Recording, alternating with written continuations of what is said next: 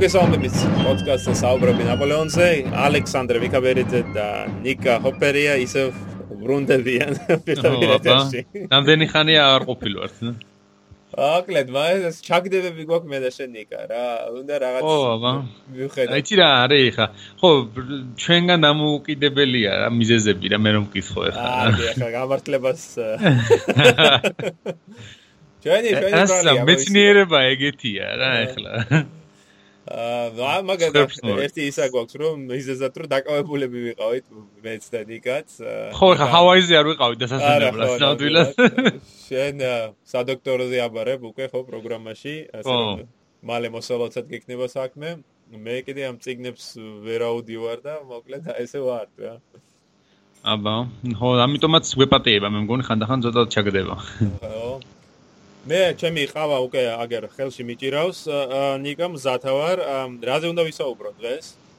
აა დღეს როგორც წინა პოდკასტში ვახსენეთ, უნდა ვისაუბროთ ძალიან საინტერესო და ამავე დროს ჩვენთვის ცოტა მტკივნეულ თემაზე. ეს არის 1805 წელს ტრაფალგარის ბრძოლა და მის გარშემო მოვლენები, ანუ ინგლისსა და საფრანგეთს შორის საზღვაო დაპირისპირება და საერთოდ აი რა ხდება ნაპოლეონის პერიოდში ზღვაში, ეს ევროპის ზღვებში. აა მათ შორის აი სად მიმდინარეობს ომი, რომელ მხარეს აქვს უპირატესობა და აი მსგავს თემებს განვიხილავთ. ნამდვილად ჩვენ აღნიშნეთ რომ ეს არის პირველი ნაბიჯი ასე ვთქვათ ნაპოლეონის ომების როგორც გლობალური კონფლიქტის განხილვისა ხო და მე მგონი ეს კომპანია ზუსტად გვაქვს გვაძლევს საშუალებას რომ ერთი პატარა ნაწილი მაინც წარმოაჩინოთ თუ რამდენად დიდი მოცულობის არეალის მოიცავდა ხო ეს ეს ეს ომები ჩვენ ცოტა ახლა უკვე ჩვენ პოდკასტში ზოგადად საუბრობდით 1810 წლის პერიოდზე, ხო? მაგრამ ამ ეპიზოდისათვის, ამ პოდკასტისათვის ჩვენ უნდა დავბრუნდეთ დროში.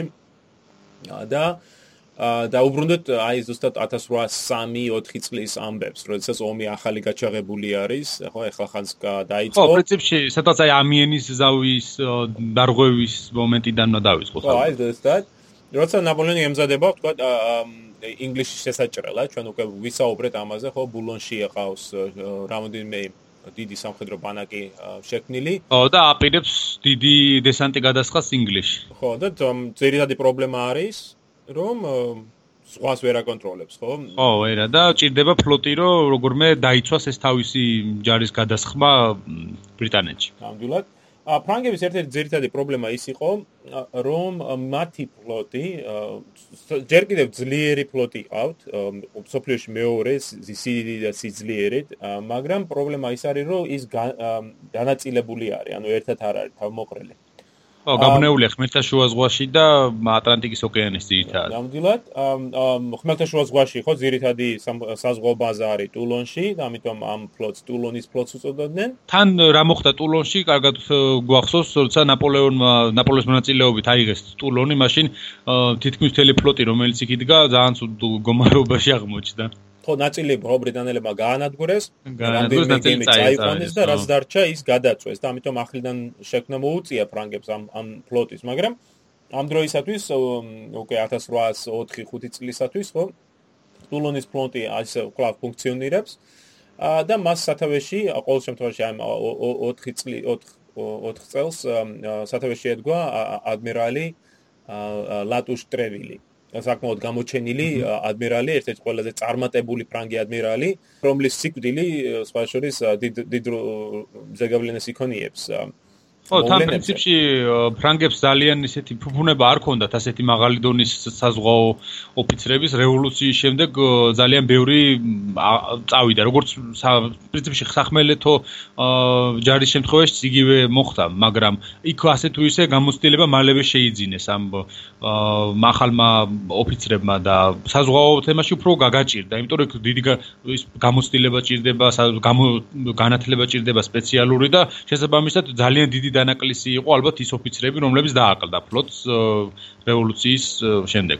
დიახ, განსაკუთრებით უნდა აქ აღნიშნოთ ის გარემოება, რომ შენ ახლა თქვი, რომ ჯარშიც ხო ოფიცრების დიდი ნაკადმა დიდმა ნაკადმა დატოვა, ხო, თქვა საფრანგეთის საზღვრები და ხშირ შემთხვევაში მოწინააღმდეგეს რიგებში იბრძოდნენ საფრანგეთის წინააღმდეგ, მაგრამ ამ ჯარში ამ ოფიცრების შეცვლა ადვილი შედარებით ადვილად მოხდა. ხო და დააწინაურეს ის ნიჭიერი და გამოცდილი ჯარისკაცები, რომლებმაც ხო აი შეავსეს ეს ეს ვაკუუმი, ასე რომ თქვა. ფლოტში ამის გაკეთება ჭირს, იმიტომ რომ თუ ოფიცრები ოფიცრებმა რო დატოვეს ეს საზღვაო ძალები, გამოუცდელი ოფიცრები, როდესაც ხელმძღვანელობდნენ ხომალდებს, ეს ხომალდები ან ნადგურდებოდნენ, ან ხელში უვარდებოდნენ ბრიტანელებს და თითოეული ხომალდის ახლიდან აშენება და თქვა და და ისე ხო სამსახურში ჩაყენება ჯდებოდა ძალიან დიდი ფულადი რესურსები, რა თქმა უნდა, ფინანსური და რაც თავია დრო, დროის ფაქტორი. საშუალოდ ერთი გალეონის ზომის ხო რანგის სახაზოხო მალდი უფრო. სახაზოხას დი სახაზო გემის მშენებლობას დაახლოებით 2 2 ნახევარი წელი ჭირდებოდა. ანუ და რამდენი თანხა ჯდებოდა თან? აბა თან აღსანიშნავი ისიც რომ რამდენი ზარბაზანი ჭირდებოდა ზარბაზანი ხო ძალიან უკლედ რო წარმოვიდგინოთ აი თანამედროვე იმაში ისინი ავიამზიდი რო წარმოვიდგინოთ რაც უჯდება სახელმწიფოს დაახლოებით იმ დროის იმაში ალბათ იგივე შესაბამისობაში იქნებოდა ეს ფლოტის სიძვირე იმიტომ დიდი გემები ჩვენ პოდკასტის წინ მე და შენ ვიცინოდით ტრინიდად სანტისიმაზე ხო? 100 ქვემეხიან მონსტრს. მე როგორც ნახე თავდაპირველად 140 ქვემეხი დაუყენეს და მე უბრალოდ და დააკეთეს ქვემეხები ვეღარ დადიოდა ფაქტობრივად. ზედმეტი არ მოგვინესო, ხო? ამიტომ აი ესეთი ნიჭიერი ოფიცრების დაკარგვა, როგორც აი და გასაკვირებელი აი ესეთი ადმირალის, როგორც არის ლატუშ ტრევილი, მათ დაკარგვას დიდ ზეგავლენა ეკნება თვით ტრაფალგარის კამპანიაზე, მაგრამ ეხლა რატო აღნიშნავ ამას, რომ 1803 წელს რო დაიწყო ომი, ნაპოლეონი ემზადება აი ბრიტანეთში შესაჭრელად, მაგრამ აშკარად აშკარაა რომ ირო შეიჭრას, მას ჭირდება ამ სრუტეს, ხო, ლამანში, ან ინგლისის სრუტეს კონტროლი. მაგრამ მისი ფლოტი განაწილებულია, როგორც აღნიშნე, ტულონში არის ერთი ნაწილი, მეორე არის როშფორდში, ეს უკვე ატლანტიკის სანაპიროზე, მესამე არის ბრესტში, და ეს ბრესტის ფლოტი არის მეორე. და შემდეგ უკვე ზემოთ უფრო ჩtildeოეთით არის უფრო მომცრო ზომის ფლოტები ისეთ ადგილებში როგორც არის კალე და ასე შემდეგ. მაგრამ აი ეს სამი ძირითადი ესკადრა არის ტულონის როშფორის და ბრესტის და ეს მინდა ამ სმენელს ვარის და ეს კონდეს ეს სახელები მაინც დამახსოვრებული, იმიტომ რომ შემდგომი მე მთელი კამპანია, რომელიც ტრაფალგართან დაკავშირებულია, არის აგებული აი ამ სამი ფლოტის თანამშრომლობაზე და სამწუხაროდ ამას ვერ მიაღწევენ ფრანგები. ანუ ძირითადი მიზანი რა არის, რომ ნაპოლეონს სჭირდება ამ სამი ფლოტის გაერთიანება ერთ ადგილას, მისვლა ლამანში, ხო ინგლისის სრუტეში, ბრიტანული ფლოტის ან დამარცხება, ან ყოველ შემთხვევაში ან ან ან განდევნა, ან მოშორება რამენაირად, რათა აი უზრუნველყოს ფრანგების კონტროლი ამ ამ სრუტეზე და შემდეგ უკვე ჯარი შეძლებს გადასვლას. ამ უკვე როცა გადა თუ თუ გადასვლა წარმატებული აღმოჩნდება, რა თქმა უნდა, ნაპოლეონს ეჭვი არ ეპარება, რომ ლონდონი დაეცემა და ფრანგები შეძლებენ ქვეყნის გაკონტროლებას. ახლა შეიძლება ვიდაოთ რამდენად რეალური იყო ეს, მაგრამ ნუ 1805 წლის ამბების გათვალისწინებით, ხო, როცა ნაპოლეონმა ეს კოალიცია გაანადგურა, ალბათ არ უნდა გასჭირვებოდა, თქვა ლონდონამდე მისვლა, რომ რომ ხო ნამდვილად არა, მაგრამ უბრალოდ ხო ისეთი სიძნელეს აწყდებოდა ხა ინგლისთან, რომ ფლოტის გადამყიდე თორე. რა უნდა და ხელად შეაიღებდა კონსულს. ხო, ხო. ამიტომ ნაპოლეონმა შეიმუშავა რამოდენმე საოპერაციო გეგმა. და მინდა განსაკუთრებით ხაზი გაუსვა სამ აი ესე თანმიმდევრობით სამ საოპერაციო გეგმას, რომლებიც მთლიანობაში ხო შექმნიან აი ამ გეგმას, რომელიც ტრაფალგარის კამპანიას, რომელსაც ტრაფალგარის კამპანიას უწოდეთ ჩვენ. პირველი გეგმა იქნა შემოშავებული 1804 წლის გაზაფხულზე და ჩაფიქრებული იყო, რომ იმავე წლის ადრეულ შემოდგომაზე დაახლოებით აგვისტოში ან სექტემბრის დასაწყისში ტულონის ფლოტი, რომელშიც შედიოდა 10 სახაზო გემი და 11 ფრიგატი, ანუ საკმაოდ დიდი დიდი ზომის ესკადრა იყო. აი სტულონის ფლოტი ადმირალ ლატუშ ტრევილის ხელმძღვანელობით გაარღვევდა ბრიტანელთა ბლოკადას, რომელსაც ხელმძღვანელობდა ადმირალი ამჯერად ჯერ კიდევ ვიცე-ადმირალი ჰორაციო ნელსონი. და გარღვევდა ამ ამ ბლოკადას და გაცურავდა დასავლეთისკენ, გაივლიდა გიბრალტარის რუტეს და ჩავიდოდა ატლანტიკის ოკეანეში. ა შემდეგ გაცურავდა ბისკეის ო ბისკაის ყურე ხო? ყურეში დიახ.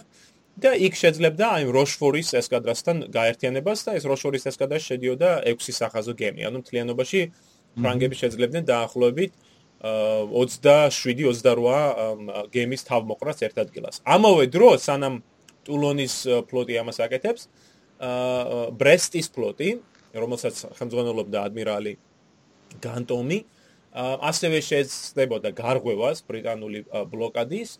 ამ ბლოკადას ხელმძღვანელობდა კორნუოლისი, ადმირალი უილიამ კორნუოლისი და აი ამ რო გარღვევდა აი ამ ბლოკადას ის შეეცდებოდა გაეცურა დასავლეთ ატლანტიკის მხარეს, რათა ბრიტანელებისთვის შეექმნა ეს სტაბილიზება, რომ ფრანგები ცდილობდნენ ბრიტანული კოლონიებზე თავდასხმას და ამით აიძულებდა ბრიტანულ ფლოტს გაჰყოლოდა მათ.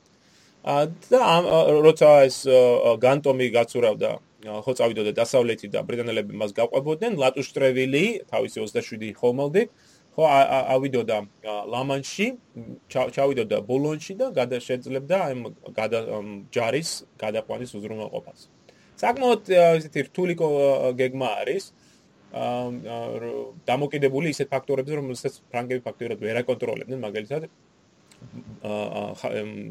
ამინზე ხო? ქარის აი დაუბერავდა თქვა სექტემბრის დასაწყისში მათთვის ხო ვერ გააკონტროლებდნენ ამას. ასევე საკმაოდ რთული იყო თქვა დაერწმუნებინათ ბრიტანელები აი კორნუოლისი რომ აი ამ განტომის ოპერაცია არ იყო მოჩვენებითი ხო? და არამედ ნამდვილად ძლიერი შეტევა იქნებოდა ბრიტანულ კოლონიებზე. ან ის ფაქტორი რომ თქვა ლაჯოს ტრევილის უნდა თავი აერი და ორი ბრიტანული ესკადრისათვის ნელსონისათვის რომელიც ყველთა ზღვაში იყო და ასევე ადმირალ კოხრენის ფლოტისათვის რომელიც ესპანეთის სანაპიროებთან დაცურავდა. და მოკლედ აი ამ შიდა განხილვის შედეგად ეს გეგმა ფაქტურად არ იქნა შესრულებული ადმირალ ფრაგმა ადმირალებმა ურჩიეს ნაპოლეონს რომ გადაედო და ამიტომ აგვისტოს ბოლოსათვის ნაპოლეონმა გადაწყვიტა რომ არ წამოეწყო ეს ოპერაცია და ზუსტად აი ამ მომენტში, როდესაც აი ამ განხილვა ხდება და დავიწყოთ თუ არ დავიწყოთ, აი ეს ყველაზე გამოჩენილი ფრანგი ადმირალი, აი ეს ლატუშტრევილი მოულოდნელად კვდება 19 აგვისტოს. ხო, ძალიან ისეთი ანუ რას ფიქრობ ხა იცი თქვა ლატუშტრევილი რო ყოფილიყო, დარჩენილიყო ანუ ადმირალად და გარდაცვლილიყო როგორი ის იქნებოდა, რა ქვია. ნელსონსა და მასშორს. ისე ძალიან დიდი გამოცდილების გამოცდილების პიროვნება იყო. დაიბადა 1745 წელს, მონაწილეობა მიიღო არაერთ ფრანგულ სამხედრო საზღვაო კომპანიაში, გამოიჩინა თავი განსაკუთრებით ამერიკის დამოუკიდებლობის ომში, სადაც სხვადასხვა ძალიან წარმატებით მსახურობდა. ისე აღსანიშნავია, რომ 13 წლის ბავშვი იყო, 13 წლის ბიჭი იყო, როდესაც ფლოტში დაიწყო სამსახურობა და აი ნელ-ნელა ხო გაიარა ფაქტურად ყველა საფეხური და აი მივიდა აი ადმირლამდე რა და აი ესეთი გამოცდილების პიროვნების დაკარგვა, რა თქმა უნდა, დიდი ზეგავლენა იქონია. ის რომ ყოფილიყო, თქვა, ფრანგების ხომ ადმირალი 1805 წელს ალბათ ტრაფალგარის ბრძოლა არ მოხდებოდა. ახლა არ ვამბობ იმას რომ ფრანგები მაინც და მაინც მოიგებდნენ საზღვაო ბრძოლას, მაგრამ ყოველ შემთხვევაში ტრაფალგარი არ მოხდებოდა. მასეთ საშინელება არ მოხდებოდა რა. კარგი, ესე იგი ლატუშტრევილი დარია.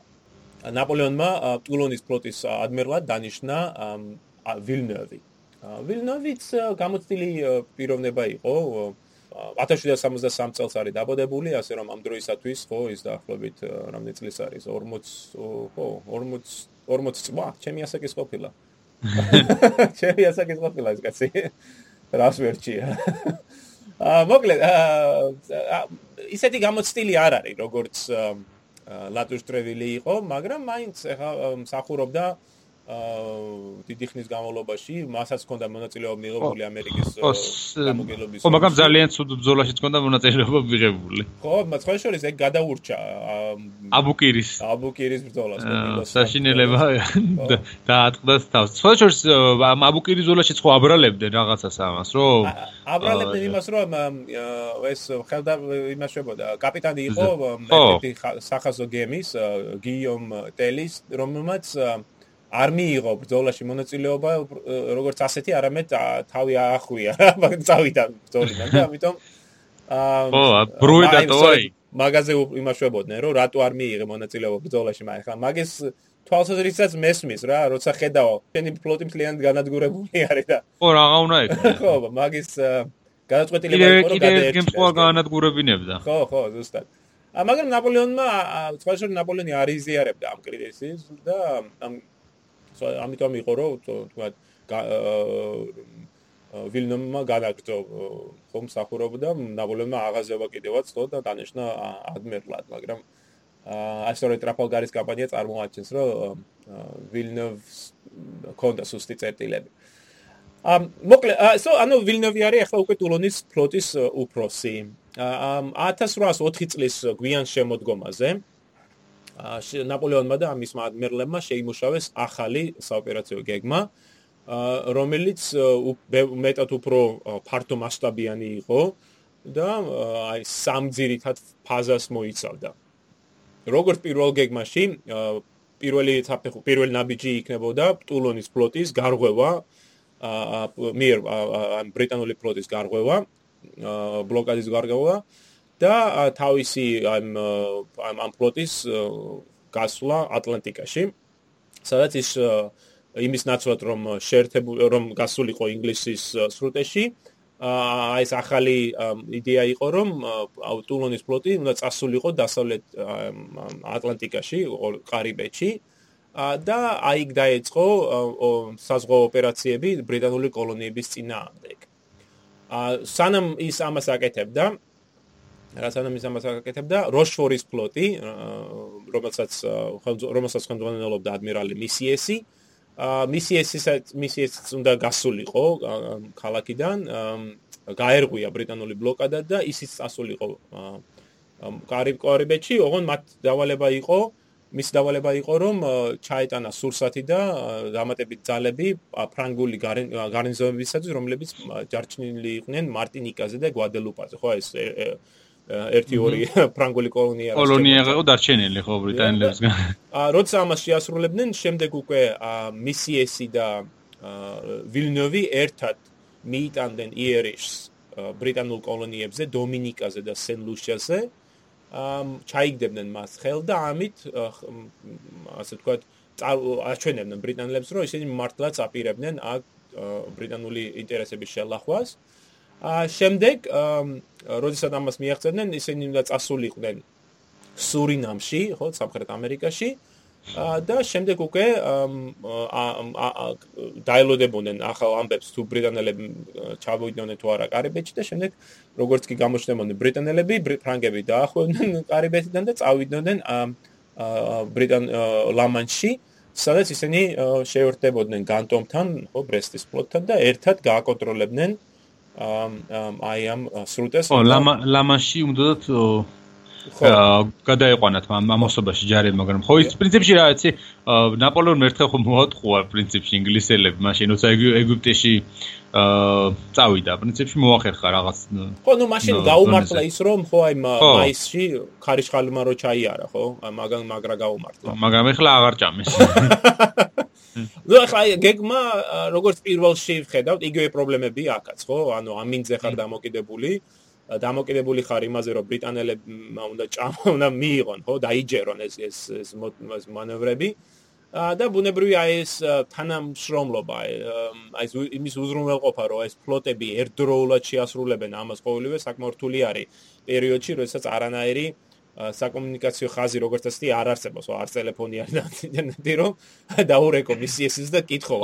განსაკუთრებით ახლა იცი რა, სახმელეთო ოპერაციებში კიდე არა უშავს და აი ამ ხელა მანძილებზე ზღვაში რამდენად რთული იქნებოდა ესეთი კოორდინაცია ფლოტებში. ხო, მენეჯერ მაინც ვიღაცას გაგზავნი, ხო? ცხელზე შესვლა და აბა წადი და ო, აქ ნავით ხوار გაგზავნები. სხვა შორის კონდათ თქვა პატარა ნავები packet boats როგორც ბრიტანელები უწოდებდნენ რომელსაც მიზანი იყო აი ამ კომუნიკაციის უნდრაყოფა მაგრამ პრობლემა ისაა რომ ამ გემებს ბრიტანელები ძირავდნენ რა ძალიან ადვილად იჭერდნენ და ანადგურებდნენ და ამიტომ აი ამ კავშირის შენარჩუნება ფრანგებს ძალიან უჭირდა. ამ მოკლედ ამ გეგმა რომ შესრულებულიყო ეს მეორე გეგმა რომ შესრულებულიყო ფრანგები შეძლებდნენ 40 სახაზო გემის თავმოყრას, რაც იქნებოდა ყველაზე დიდი კონცენტრირება ან ფრანგული საზღვაო ძალების და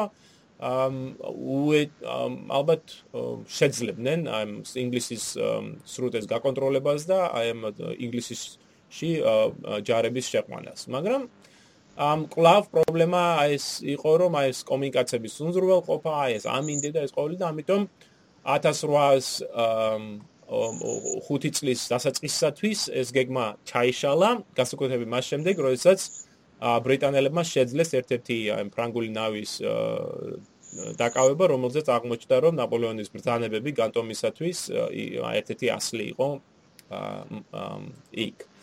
ანუ ბრიტანელებს ჰქონდა თქვა უკვე გააზრებული თუ რას რას პაპირებდნენ ფრანგები. ამიტომ 1805 წლის გაზაფხულზე უკვე ხდება ხელახალი გეგმის შემუშავება. ამ ხრივ ხდება უკვე ამ გეგმაში, ახალ გეგმაში აისახება ახალი სტრატეგიული ვითარება ევროპაში. კერძოდ ხედავ ჩვენ ესპანეთის გამოჩენას, როგორც საფრანგეთის მოკავშირეს. ხო, აი ხალხ ჩვენ ნახეთ პირველ ორ გეგმაში საუბარი არის მარტო ფრანგულ საზღვაო ძალებზე.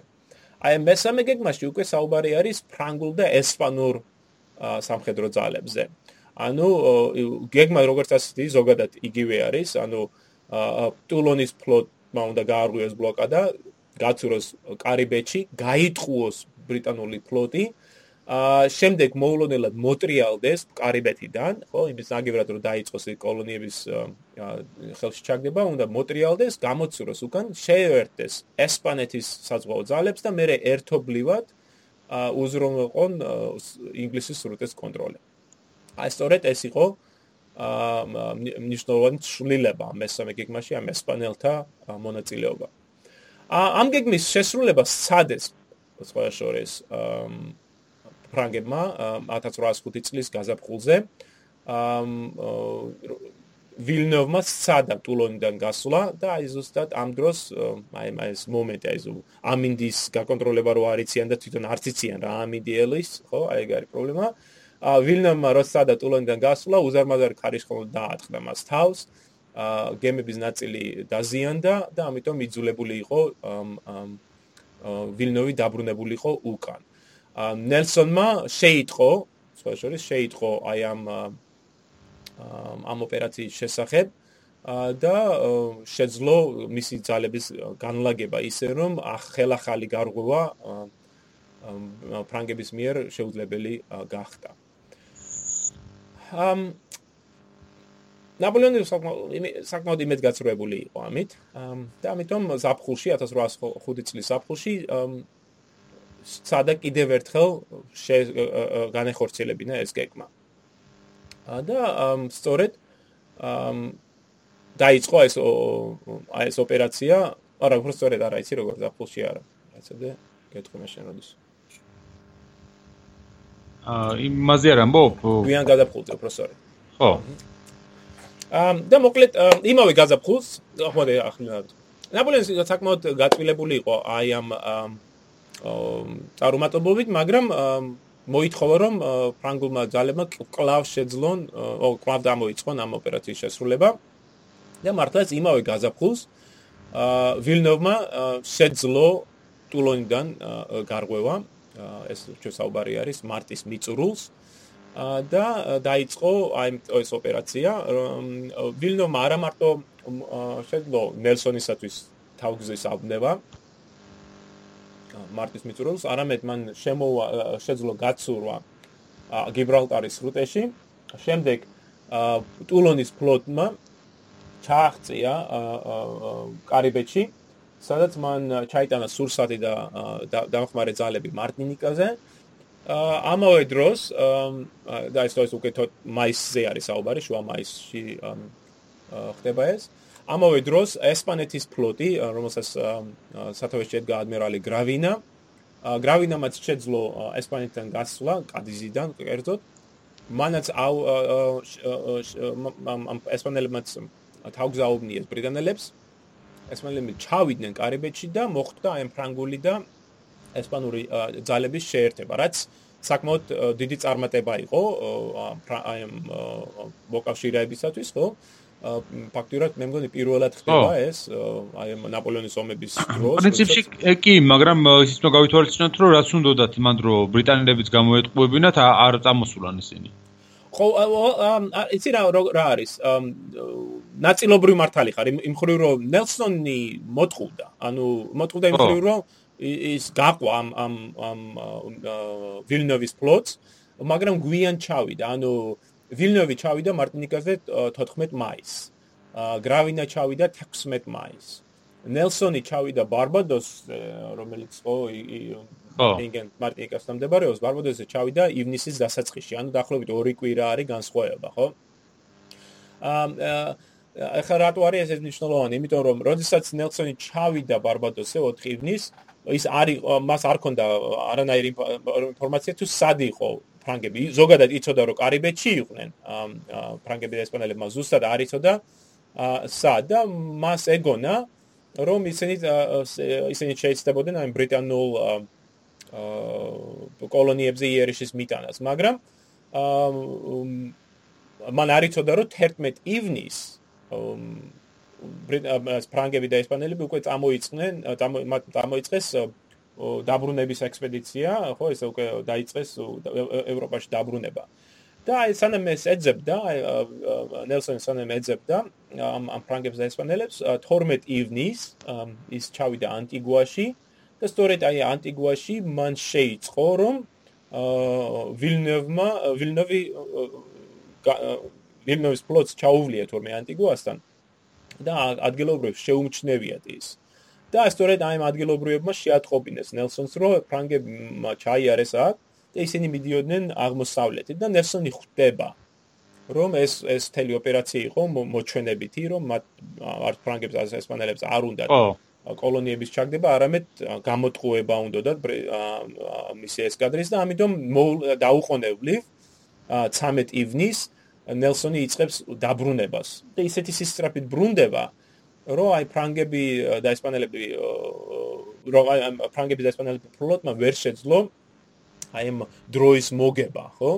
აა და ფაქტობრივად ერთდროულად ბრიტანელებიც, ფრანგები და ესპანელები ერთდროულად ბრუნდებიან ეს ევროპაში.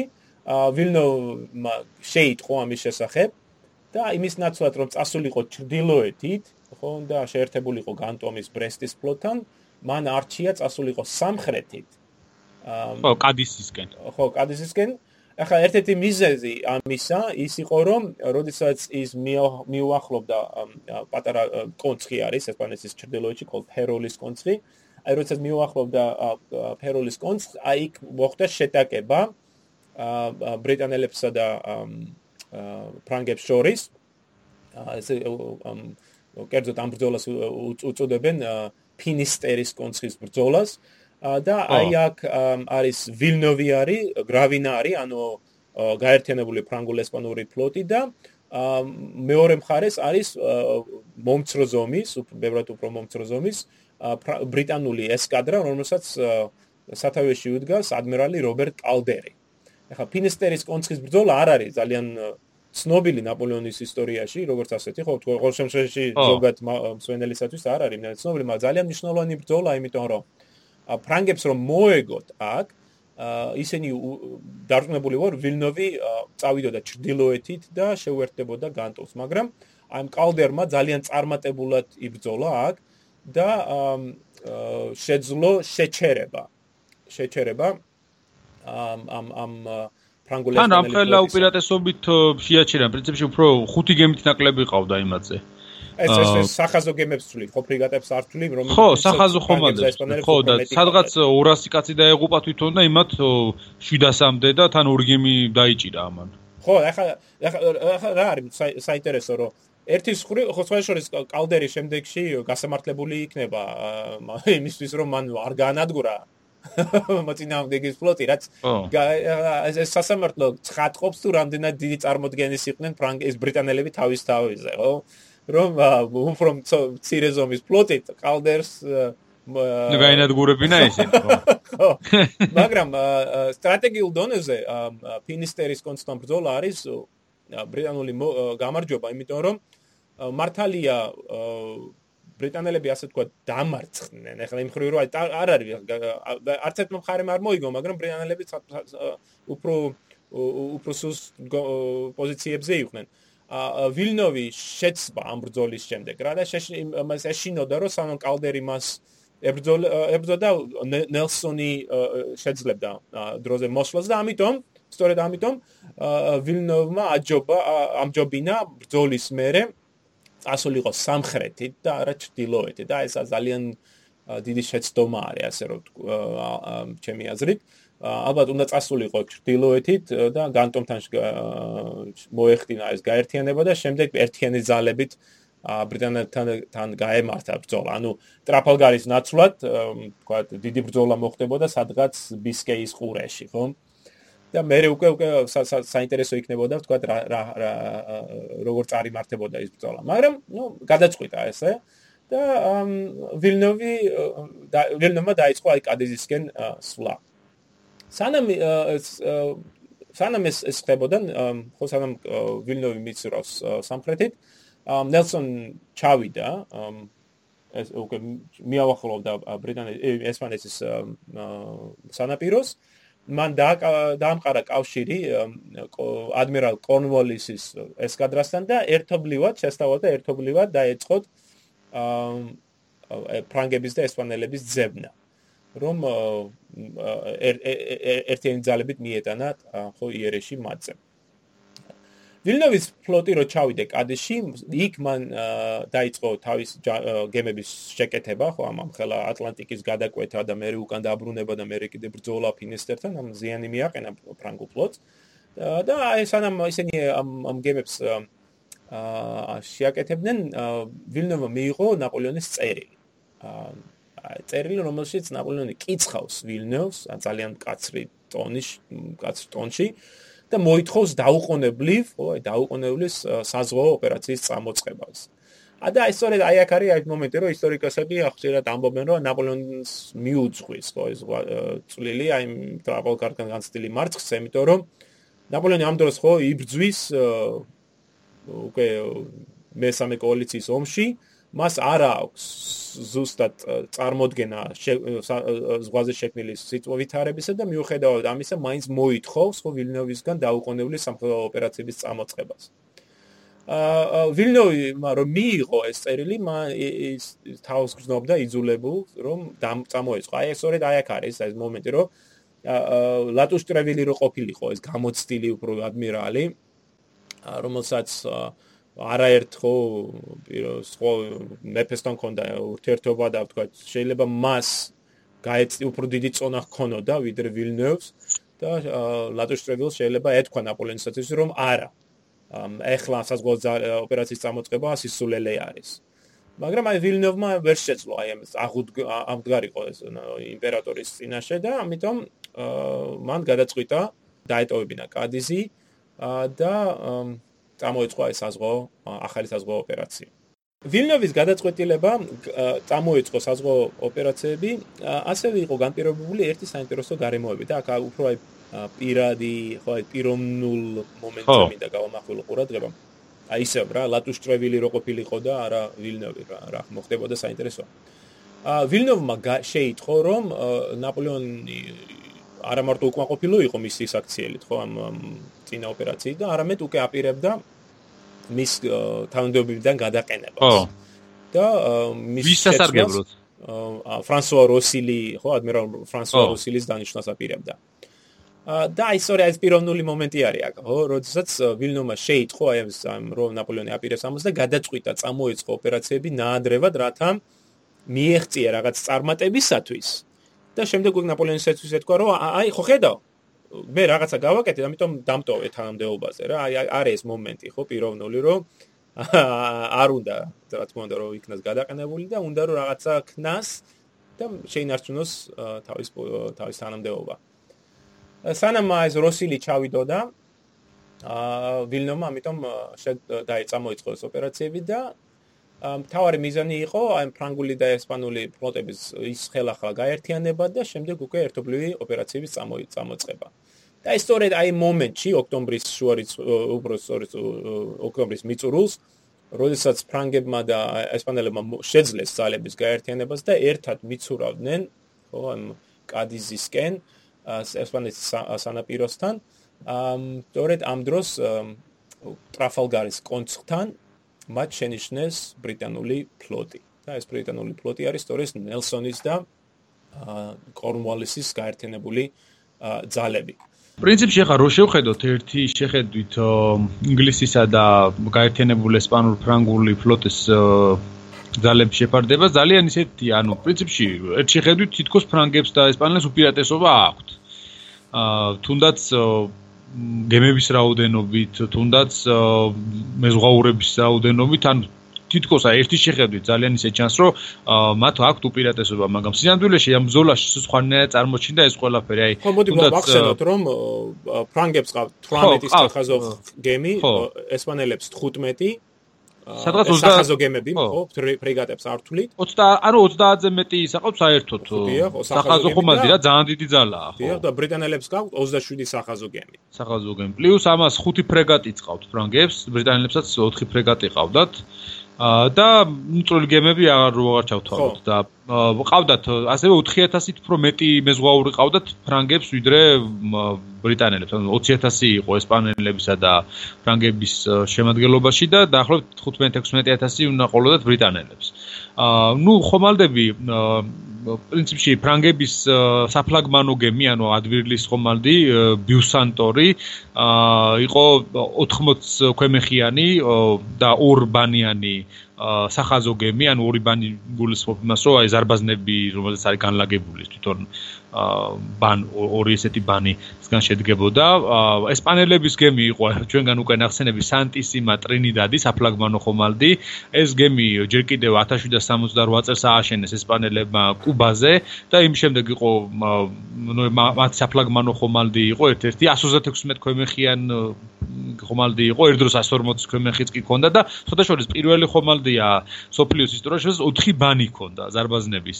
ნუ მიუხედავად იმისა, რომ დიდი საცეცხლე ძალა ქონდა ამ სანტისიმეტრიდაც იყო ძალიან ნელი ამის გამო უჭირდა მოძრაობა და შეთაშორის ზოგიერთი ოფიცერი იმასაც კი ამბობდა, რომ საერთოდ ეს გემი კადისში დავაყენოთო.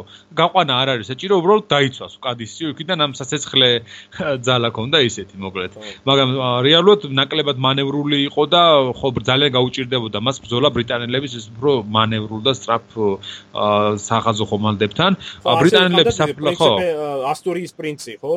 და სანტაანაც საკმაოდ დიდი სანტაანაც და პრინციპე დე ასტურიაც 112 112 ქვემეხიანი ხომალდები იყო და არ ჩამოვარდებოდა ინგლისის საფლაგმანო ხომალდ ვიქტორის რომელიც იყო ნელსონის საფლაგმანო ხომალდი და დღესაც არსებობს ეს ხომალდი და ინგლისში შეგიძლიათ მისი ხო აი მაგხრივ აი ისე უნდა აღნიშნოთ ჩვენ რომ ჩვენ ანუ ფრანგებს და ესპანელებს 33 სახაზო გემი ყავდა ბრიტანელებს 27 აი ამ ფრანგებს და ესპანელებს უფრო მეტი ყავთ აი ეს დიდი რანგის ასე რომ მაღალი რანგის გემები ხო ბრიტანელების ყველაზე დიდი გემი არის ვიქტორი. ხო, 100 ქვემეხიანი. ამ დროს ხო, 104 ქვემეხი ქონდა და ყველაზე დიდი იყო, როცა ხო სანტისიმატრინდაც ხო 130-ია. სანტისიმატრინდაც და სანტა-ანა და პრინსიპე დე ასტურიას სამი უფრო გაცილებით მეტ ქვემეხიანია ვიდრე ვიქტორი, მაგრამ ამავე დროს ისიც შეიძლება ვთქვათ, რომ ბრიტანელების დანარჩენი სახაზო გემებიდან, აი თუნდაც როიალ სუერენი, ბრიტანია,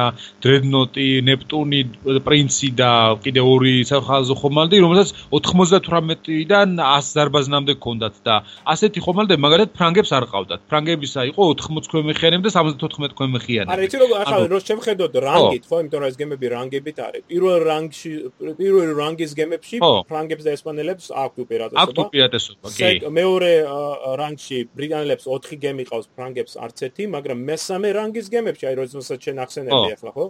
ბრიტანელებს 20 ქვემეხიანები ხო ფრანგებს და ესპანელებს 29 ანუ მთლიანობაში უპირატესობა აქვს ფრანგებს და ესპანელებს ამ რანგი იარკოში ნამდვილად აქვს და პრინციპში საცეცხლე ძალითაც მეტნაკლებად აქვს ალბათ. ხო. მაგრამ ახლა ამას ყოველი ყოველივე ფაქტურად აა ნიშნულობა არ აქვს იმ ხრივ რომ ფრანგების და ესპანელების თვითონ მეზღვაურები იმდენად გამოცდილები არ არიან როგორც ბრიტანელების. ამას ო, რასაკვირველია, ეგ არის მთავარი ფაქტორი. იგივე აბუკირის ბრძოლაშიც ძალიან დიდი როლი შეასრულა მაგ მაგ ფაქტორმა, რომ პრინციპში იქ მოუმზადებლებიც იყვნენ ფრანგები ძალიან მოულოდნელად მოხდათ თითქმის პრინციპში მათთვის ეს აი წარმოიდგინე ესე რომ ჩვენ თქვით ესე რომ აი ტულონის ფლოტი ხო ერთ-ერთი ყველაზე დიდი ფლოტია რაც ფრანგეთს აქვს. შენ უკვე თქვი რომ 93 წელს ხო ბრიტანელებმა ხელთ ჩაიგდეს ნახევრად გადაწვეს ნახევრად წაიყვანეს. წაიყვანეს ხო. მე აღადგინეს ეს ფლოტი ფრანგებმა და აბუკირის ბრძოლაში ბრიტანელებმა გაანადგურეს. ისევ გაანადგურეს ხო. ანუ ეხლა ჩვენ საუბრობთ მესამე ხო მესამე ვერსია ვარიანტზე ამ ფლოტის. ისევ უცნაური არ არის ამდენჯერ ამდენი ხომალდის აშენება როგორ მოასწრეს ფრანგებმა ამ ხალხის გაჭრნა იმიტომ რომ ეს აბუკირთან რომ მოვიდა ეს ხალხი ახალი ხალხია საყვარელი. ხო, იმის მაგივრად ეხა ხო, რამდენი მეზღვაური უნდა დაეყენებინათ ახალი და ოფიცერი. ხომალზე პლუს რამდენი ქვემეხი უნდა აღეჭურვათ ეს გემები. მოკლედ აი ძალიან დიდი სისტრაფით მოახერხა საფრანგეთმა ამ ფლოტის აღდგენა და უცნაურია საკმაოდ. მაგრამ აი ხარი ხო, თვითონ ანუ ხომალდების აშენება როგორც ასეთი ეხა კი ფული ღირს, კი დროის საჭიროებს, მაგრამ შესაძლებელია. მაგრამ აი ხალხის გაჭრთნა და აი ამ გამოცდილების მიღება აი ეს არ არის შესაძლებელი, ხო? ხო, პრინციპში რა არის, ძალიანაც რო გაეწუთნათ ეხა ეს ხალხი, ბრიტანელებს რო გამოცდილება ქონდათ საზღვაო ბრძოლებში, მასეთი გამოცდილებას ხო ვერ მიიღებდნენ ამ წლების განმავლობაში და საფრთხეა ხო. ამას ხო ის catch 22-სავით რო არის გამოთქვა, რომ ერთის ხრივ ფრანგებს ჭირდებათ ეს გამოცდილება და ამ გამოცდილების მისაღწევად უნდა დატოვონ თავისი ხო ნავთსაყუდელები და გავიდნენ ატლანტიკაში ან ხმელთაშუა ზღვაში, მაგრამ როგორც კი გადიან ბრიტანელები მათ იჭერენ, ანადგურებენ რის შედეგადაც ფრანგებს არ აქვს საჭირო გამოცდილება, მაგრამ მათ სურთ ამ გამოცდილების გამოყენება და ისე ცდილობენ ამის გაკეთებას და ისე აი ეს იხდება ხელახლა რა. კიდე რა არის აღსანიშნი რომ ფრანგები ტრადიციულად საერთოდ როგორც აბუკირთან ისე აქ ძალიან ერთხაზოვანი ტაქტიკით უპირისპირდებოდნენ ბრიტანელებს. ტრადიციული პრინციპში რა არის მე 18 საუკუნის განმავლობაში გამოიყენებოდა თითქმის ყველა ევროპული ქვეყნიდან ეს ხაზოვანი ტაქტიკა, ანუ განლაგდებოდნენ ხოლმე თვითონ ხაზზე და ესროდნენ ერთმანეთს ხომალდები და ფრანგები ხა მithumetes ესეთი გამოუცდელები სხვანაირად ვერცი ბზოლებდნენ ალბათ ძალიანაც რო ნდომებოდათ გაუჭირდებოდათ მათ ახალ ტაქტიკებზე მორგება როცა ასეთი მდგომარეობა იყო და იძულებულები ხდებოდნენ პრინციპში რომ ესე ასე ებძოლათ ანუ მე სხვა ბზოლა ამ პერიოდში არც ვიცი ფრანგების შესრულებით როგორ ამ ხრივ შენ მართალი ხარ მაგრამ ისიც უნდა ვთქვა რომ ბრიტანელებიც ამას აკეთებენ მაგრამ აი ნელსონის ფაქტორი ხო? აი როგორ ხო, აი ამას ვამბობ, ხო, ნელსონთან არის. აი ნელსონმა, აი ფაქტორმა გადაწყვიტა. ნელსონი რო არ ყოფილიყო და იყოფილიყო კორნუოლესი, თავარი თავარსარდალი აქ ის ეს ბრძოლა იქნებოდა ეს ტრადიციული ბრძოლა. ხო და ვინ მოიგებდა ამის ეს გაიგებდი ზუსტად. და სწორედ ამ ამ ასე ტრადიციულ ბრძოლაში მაშინ ფრანგებს და ესპანელებს ეკნებოდათ უპირატესობა იმიტომ რომ მათ უფრო მეტი ქვემეხები გააჩნდათ ხო სანტისიმატრინიდად იყავდათ და და სწორედ და სანტა ანა და სწორედ მაგრამ სწორედ აი ნელსონის ახალმა ეს ინოვაციურმა მიდგომამ როდესაც მან გადაწყვიტა იმის მაგივრად რომ ტრადიციული ხაზი შეექმნა აა წამოიწყო შეტევა პერპენდიკულარულად. ხო, და სოლისებურად შეიჭრათ, გაგაწყვიტათ. აი ამან ეს მართლა გენიალური გადაწყვეტილება არის რა. თანაც აი რა არის ამდენი უმოძრაო ხომალდი, რომლებისგანაც რამ დიდი ნაწილი ჩება ბძოლის გარეშე, როცა ეს ინგლისელები შეტევას იწყებენ, ანუ არც არიან ჩართული ბრძოლაში და თან ინგლისელები ახერხებენ რომ ერთ ხომალდს რამდენიმე ხომალდით შეუტიონ. აი გარკვეულ მომენტში რაც არის ძალიან დიდი უპირატესობა ამ ხრევს ადე ხა როგორც ვიცით თუნდაც აი ესპანურ საფლაგმანო ხომალდის ანტისიმატრინდადი 7 გემს ებზოდა ერთდროულად. ხო.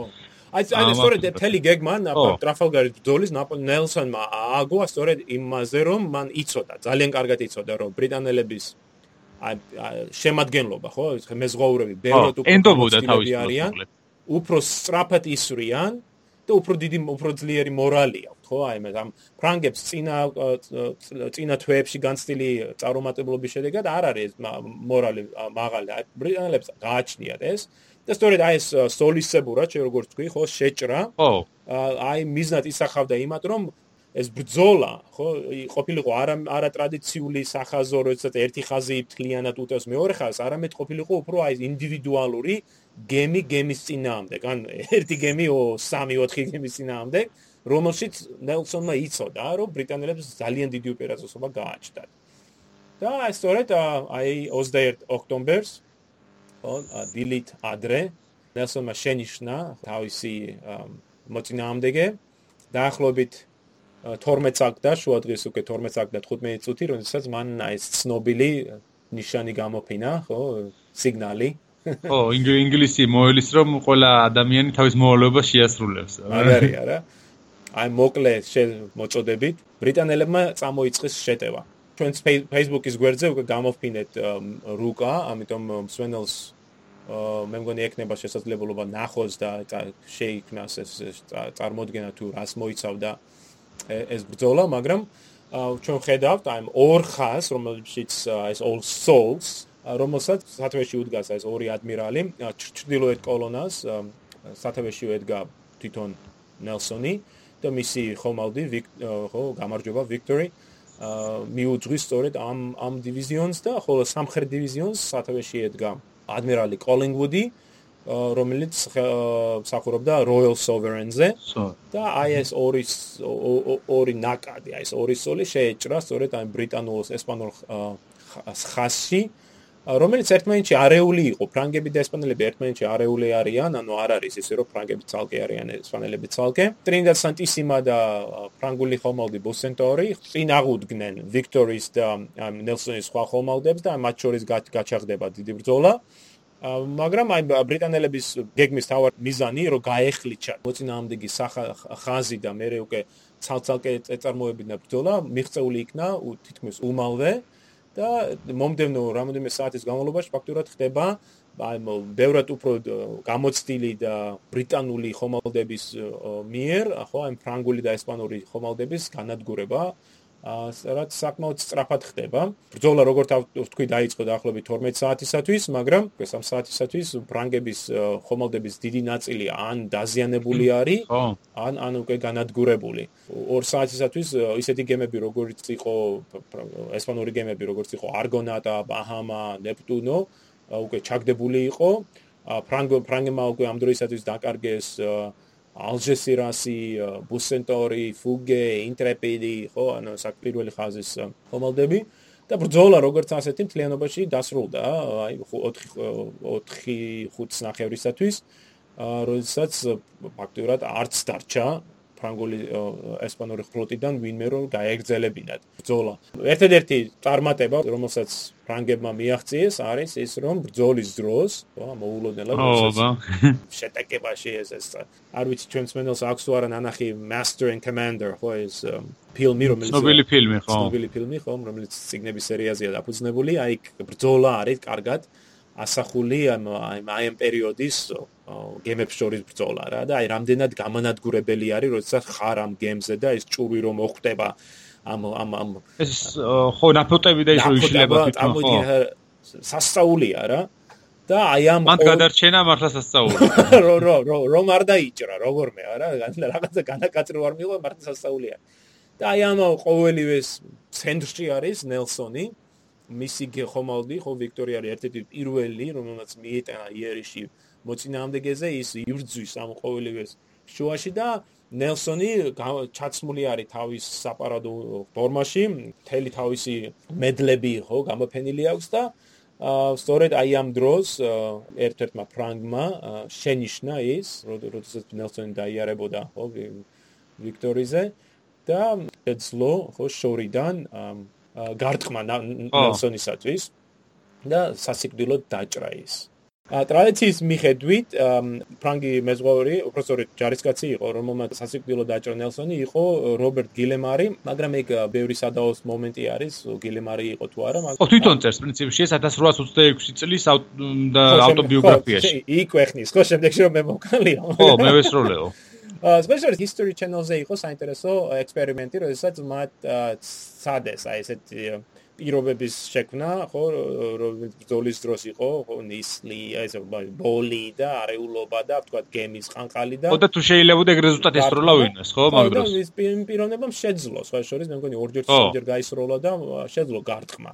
აა ასე რომ არ იყო თლად თლად შეუძლებელი. ფანტასტიკა არ არის, ხო. ხო, ამის გაკეთება ყოველ შემთხვევაში ვიცით რომ აა ნელსონი დაიჭრა. ეხლა საკითხავი არის მართლაც დამიზნულად მოარტყეს თუ უბრალოდ შემთხვევით გაარტყეს მას. აა მაგრამ სასიკვდილო დაიჭრა ნელსონი და იმ იმავე დღესვეს 5 საათისათვის ის გარდაიცვლება კიდევაც. რაც ყველაზე ალბათ ყველაზე დიდი დანაკლისი არის ბრიტანელებისათვის მთელი ამ საზღვაო ბრძოლების რაც ნაპოლეონის ხო პრინციპში ნელსონი მოკვდა მაგრამ მთელი ფრანგული ფლოტის თან გაიყოლა ასე რომ ამ სიკვდილა სიკვდილამდე მაინც განადგურა მთელი მთელი ფლოტი დაუმთავრა.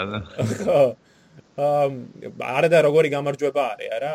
ამ ბრძოლის შედეგად ბრიტანელებმა ხელჩაიგდეს 20 21 ხომალდი. აბა გამანადგურებელი არის თან ხო ასეთი ისინი იყო სახაზო ხომალდებია და არამხელა ღირებულებისაა ეს ისინი ხომალდები და თან როგორც ანუ სამხედრო მნიშვნელობითაც დიდი ეკონომიკური მნიშვნელობითაც დიდია და ზოგადად ანუ პრინციპში ამხელა მასშტაბების საზღვაო ბრძოლა არ წყופილა ნაპოლეონის ომებში. ხო, არა, უბრალოდ რო ვთქვა რა, 33 სახაზო გემიდან 21 რო ჩაიგდეს მოწინავე. ის კი არა რომ განადგურდა, აი უბრალოდ ჩაიგდეს. თითქოს შეგამოვიდა რომ ხო მოვიდნენ და აიღეს აიღეს და ამოს თავნა დავამატოთ ის რომ ფრანგების მხარეს გარდაიცვალა 3000-ზე მეტი, თითქმის 3400 400 მეზღვაური, კიდევ ერთი 1100-ზე მეტი მეზღვრის ძიმე დაიჭრა. და ხედაც 4000 ჩავა, ხო. ხო, 4000-ზე მეტი კაცი ტყვეც ჩავარდა. პლუს ესპანელებმაც დაკარგეს იქ დაახლოებით 1000 მოკლული 1300-მდე დაჭრილი და თითქმის 3-4000 ტყვეც ჩავარდა ხო აბა აი ახლა ესპანელებს იმდენად არ დავდო მე ფრანგების ფრანგების ვიფტირი. ნუ ამ ერთ ბრძოლაში მათ დაკარგეს თითქმის 8000-ზე მეტი ხო? 8000 თითქმის 8500 აა მეზღვაური. ახლა ამათი ახლიდან გაწურთნა წარმოგიდგენია რამხელა მონდომება რა ხელა ეს ბრიტანელებმა პრინციპში 500 კაცი დაეღუპათ სულ და 1200 დაეჭრათ. 458 კაცი დაეღუპათ წარმოი 458 კაცი სასწაულია რა ამ ტრაფალგარის ბრძოლა ერთ-ერთი ყველაზე გადამწყვეტი ბრძოლა არის მე-19 საუკუნისა. იმ სწორედ ამ ბრძოლის შედეგად ჩვენ შეგვიძლია ახლა უკვე ხო ისტორიული თვალსაზრისით თქვა რომ ამ ბრძოლის შედეგად მყარდება აი ბრიტანელების დომინირება ზღვაზე.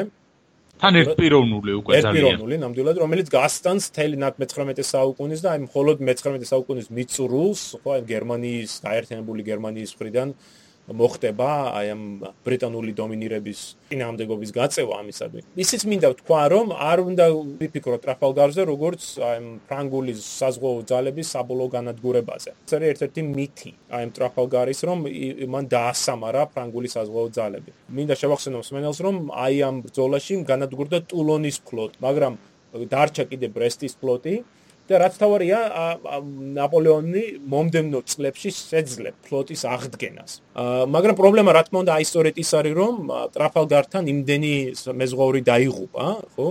რომ ნაპოლეონის სტრატეგიას შეიცვლება და იმის მაგივრად რომ განეგრძო აი ფლოტის გაგზავნა და ბრიტანელების ზღვაზე შებრძოლება ნაპოლეონის შექმნის ეგრეთ წოდებულ სტრატეგიას რომელსაც უწოდებთ fleet in being. ანუ ფლოტი არსებობს და ის აშკარა არის გემები შენდება და ისინი განლაგებულები იქნება ნავსაყუდლებში, მაგრამ ეს ეს ეს ეს გემები არ იქნება გაგზავნილი საბრძოლველად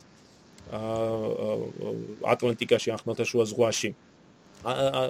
რა სისახავს მიზნად ეს სტრატეგია? იმას რომ ბრიტანელები მუდამ იქნებიან ამ შიშის ქვეშ. რომ ხო როცა იქნება შეიძლება ეს გემები გამოვიდნენ იქიდან და ხო. ხო და ამიტომ იძულებული იქნებიან ისინი რომ თავითი თავიანთი ესკადრები მუდმივად ყავდეთ აი ამ ნავსაყუდელებთან ფრანგების ნავსაყუდელებთან და აი კარბუქში ხო წვიმაში თუ სუდამინში ისინი იქ იქნებიან და მათი გემები განიცდიან ხო და ზიანს ეს ეს ჯარისკაცებიც ხო მეზღვაურებიც მუდმივად იქნებიან ზღვაში და მორალის ხრივაც ხო რამხელად წნეხის ქვეშ იქნებიან და რომ გარკვეულ მომენტში ნაპოლეონის იმედი აქვს რომ აი ეს ყოველივე საკმარის ზიანს მიაყენებს ბრიტანულ ძალებისადმი რომ ფრანგები შეძლებენ რაღაც უპირატესობის მიღწევას. აა ძალიან ეს მრავალ წლიანი გეგმა არის, ხო, სტრატეგიულ დონეზე, მაგრამ ნაპოლეონი ამას ვერ შეძლებს, ხო, ამის შესრულებას, იმიტომ რომ 13-14 წლისათვის ფლოტს ვიღა ვიღას ემახსოვრება. ვიღაჩივის, ხო? ვიღაჩი. აა მეორე წახნაგი აი ამ სტრატეგიის, მინდა აღნიშნო, არის ის, რომ ნაპოლეონი ტრაფალგარის შემდეგ შეცვლის თავის სტრატეგიას და იმის მაგალითად რომ გაგზავნოს სახაზო გემები ის აქცენტს გადაიტანს ფრიგატებზე და აი ამ შემდეგ პოდკასტებში ჩვენ ვისაუბრებთ მაგალითად საოცარ კამპანიებზე, რომ ძალიან წარმატებულ კამპანიებზე, რომელიც ფრანგები წამოიწყებენ ამ ფრიგატების მეშვეობით, მაგალითად ჰამელინის ესკადრა ფრიგატების, რომელიც მართლაც დიდ დიდ ზიანს მიაყენებს ბრიტანელებს 1808 წელს. ისიც მინდა აღნიშნო, შეიძლება მსმენელმა ეს არის ის და მე მგონი არის ცოდინება ბევრს, რომ ტრაფალგარის შემდეგა შემდეგ ფრანგებმა მიაღწიეს ძალიან დიდ წარმატებას საზღვაზე რომლის კულმინაცია იყო 1810 წელს ბრიტანული ფლოტის დამარცხება გრანდპორტის ბრძოლაში, რომელიც წარმოადგენდა ბრიტანელების ყველაზე მძიმე დამარცხებას მე-19 საუკუნეში, საზღვაო საზღვაო. და ჩვენ ამას ვისაუბრეთ. ანუ ტრაფალგარი მნიშვნელოვანია. ამას მე არ არ არ ვუარყოფ. ძალიან დიდი დარყმა მიაყენეს ფრანგულ საზღვაო ძალებს. ფაქტურად ჩაიშალა ნაპოლეონის ეს გეგმა ან იდეა რომ შეჭრილიყო ბრიტანეთში მაგრამ ამავე დროს გვინდა რომ უფრო კონტექსტში განვიხილოთ ეს ბრძოლა რომ ოქტომბრისათვის 1805 წლის ოქტომბრისათვის ნაპოლეონს ნამდვილად აღარ ქონდა იდეა ეს ეს გეგმა რომ შეჭრილიყო ხო. ბრიტანეთში ეს უკმაგაზე უკვე ჩაიქნია მან ხელი.